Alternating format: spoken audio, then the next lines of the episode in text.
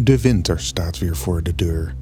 In een gewoon jaar betekent dat al langere nachten met kansen op heldere nachten.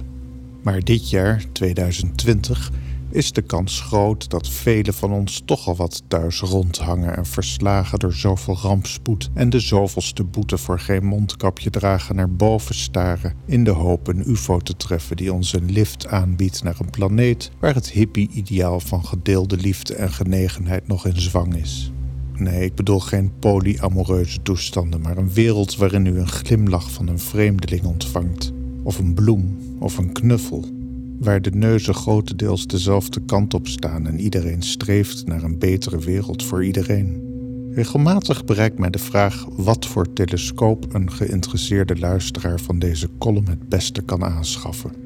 Dus met de winter voor de deur een klein overzicht van de mogelijkheden direct aan het begin is het interessant om te weten dat de vergroting van een telescoop niet heilig is.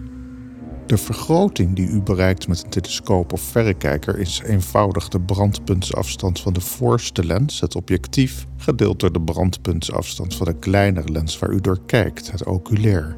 In theorie kunt u wel 200 keer vergroten met een kleine sterrenkijker, maar in de praktijk heeft u daar niks aan. 200 keer vergroten met een kleine lens, dat betekent gewoon een vaag beeld met weinig lichtsterkte.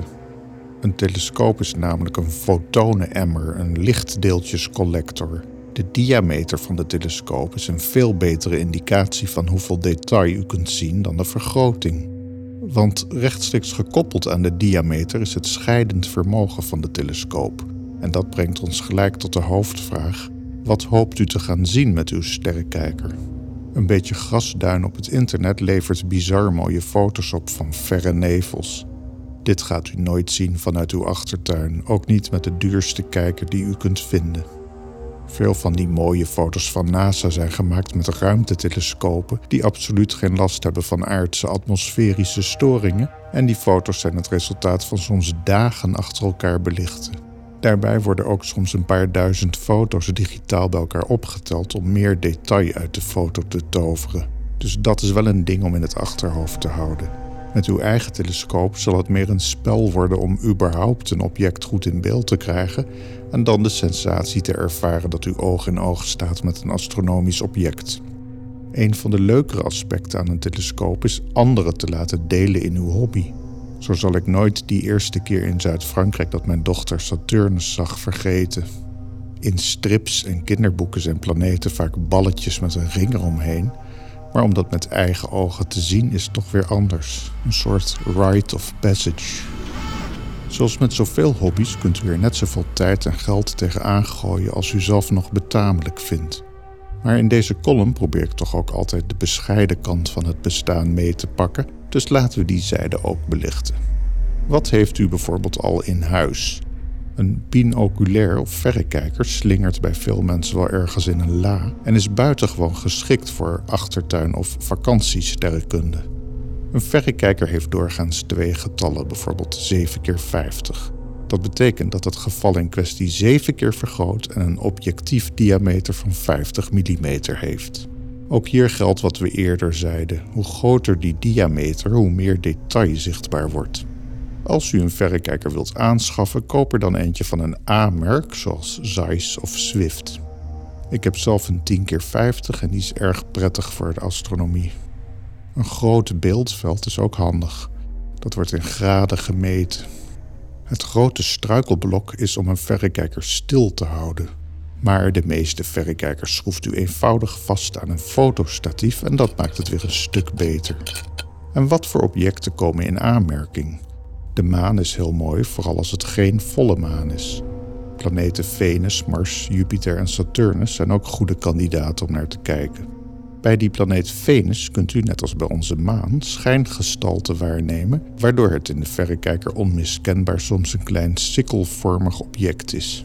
Jupiters vier helderste manen, Io, Ganymedes, Callisto en Europa, zijn meestal goed te zien. Ze staan op één lijntje en u kunt bij goed weer van dag tot dag zien hoe ze verschoven zijn. En Saturnus heeft behalve die bekende ring ook een heldere maan, Titan, die ook met een verrekijker te zien is. Al het licht van planeten en manen is gereflecteerd zonlicht trouwens. Nevels zoals M31, de Andromeda-nevel, M42, de grote Orion-nevel en M45, de Pleiade, zijn ook goed zichtbaar met een verrekijker. Zeker in de winter loont het om naar Orion te kijken en die M42 grote Orion-nevel te vinden. Als u wat langer kunt belichten, is een huis, tuin en keukenfototoestel ook interessant om mee te experimenteren. Als u zich verdiept in de M of manual stand van uw toestel, zult u zien dat u secondenlang kunt belichten. Doe dit vanaf een statief en dan blijkt er wonderbaarlijk veel mogelijk. Aangezien de sterrenhemel vanaf de aarde eigenlijk oneindig ver weg is, kunt u daarop scherp stellen en het diafragma zo ver mogelijk openzetten. Een beetje experimenteren met de levels in Photoshop laat zien dat er dan soms hele aardige foto's gemaakt kunnen worden met de simpelste camera's. Beschikt u bijvoorbeeld over een Canon-camera en wat gevoel voor avontuur, dan bestaat er een firmware-hack met de naam CHDK. Hiermee kunt u bijvoorbeeld 20 minuten belichten met een powershot die dat in eerste instantie niet kon. Ik zet wel een link in de show notes. Wilt u dan toch een telescoop aanschaffen, dan zijn de mogelijkheden onbegrensd. De eenvoudige kijker is een lenzenkijker of refractor. Aan de voorkant een objectief, aan de achterzijde waar u door kijkt een oculair. De typische telescoop waarbij men zijdelings in de buis kijkt is een Newton-telescoop. Daar zit een grote spiegel aan de achterkant en een kleine spiegel in de buis om het licht 90 graden af te buigen. De grotere zus hiervan is de Dobsonian. Ook heel populair is de Schmidt-Cassegrain. Hier is de buis kort omdat er twee spiegels in zitten. Er zijn ook nog geavanceerdere kijkers zoals de Ritchie Chrétien, maar belangrijk is om de volgende punten in ogenschouw te nemen. Gaat u echt in de kou s'nachts in uw eentje naar buiten? We zijn natuurlijk meesters in het tegen onszelf liggen. Zonde als die dure telescoop in een hoekje blijft liggen. U kunt een telescoop goed tweedehands aanschaffen. Ik zet nog wel een link hiervoor in de show notes. Minstens zo belangrijk als de telescoop is het statief. Veel telescopen worden verkocht met een computergestuurde go-to-mount.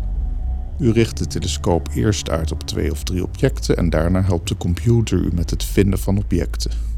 Wilt u ook foto's gaan maken? Dat is weer een hele hobby op zich. Voor een beetje astrofotografie wilt u een telescoop met minstens 8 inch diameter. Zoals met bijna alles in het leven vraagt de telescoop ook om een forse tijdsinvestering voordat u er alles uithaalt. De reclameteksten zijn vaak rooskleuriger dan de praktijk. Opeens staat u buiten en weet u maar één heldere ster te vinden. Of zegt de computer van uw telescoop dat het uitlijnen niet gelukt is. Kortom, hoe gaat u om met tegenslagen en uitdagingen? Al kunt u wat batterijen in sommige telescopen prutsen, u zult toch al snel behoefte hebben aan een accupak. En daarna een GPS en wellicht een nieuwe camera, filters en een autoguider. En dit alles in het licht vervuilde Nederland waar de nachten zelden kraakhelder zijn. Dus bezint eer gij begint. Een alternatief is om via internet telescopen te gebruiken. Slew.com is erg leuk en vriendelijk in het gebruik. Een link hiernaar vindt u in de show notes. En als u het niet erg vindt, kijk ik nog even door mijn telescoop naar de maan. Tot volgende week.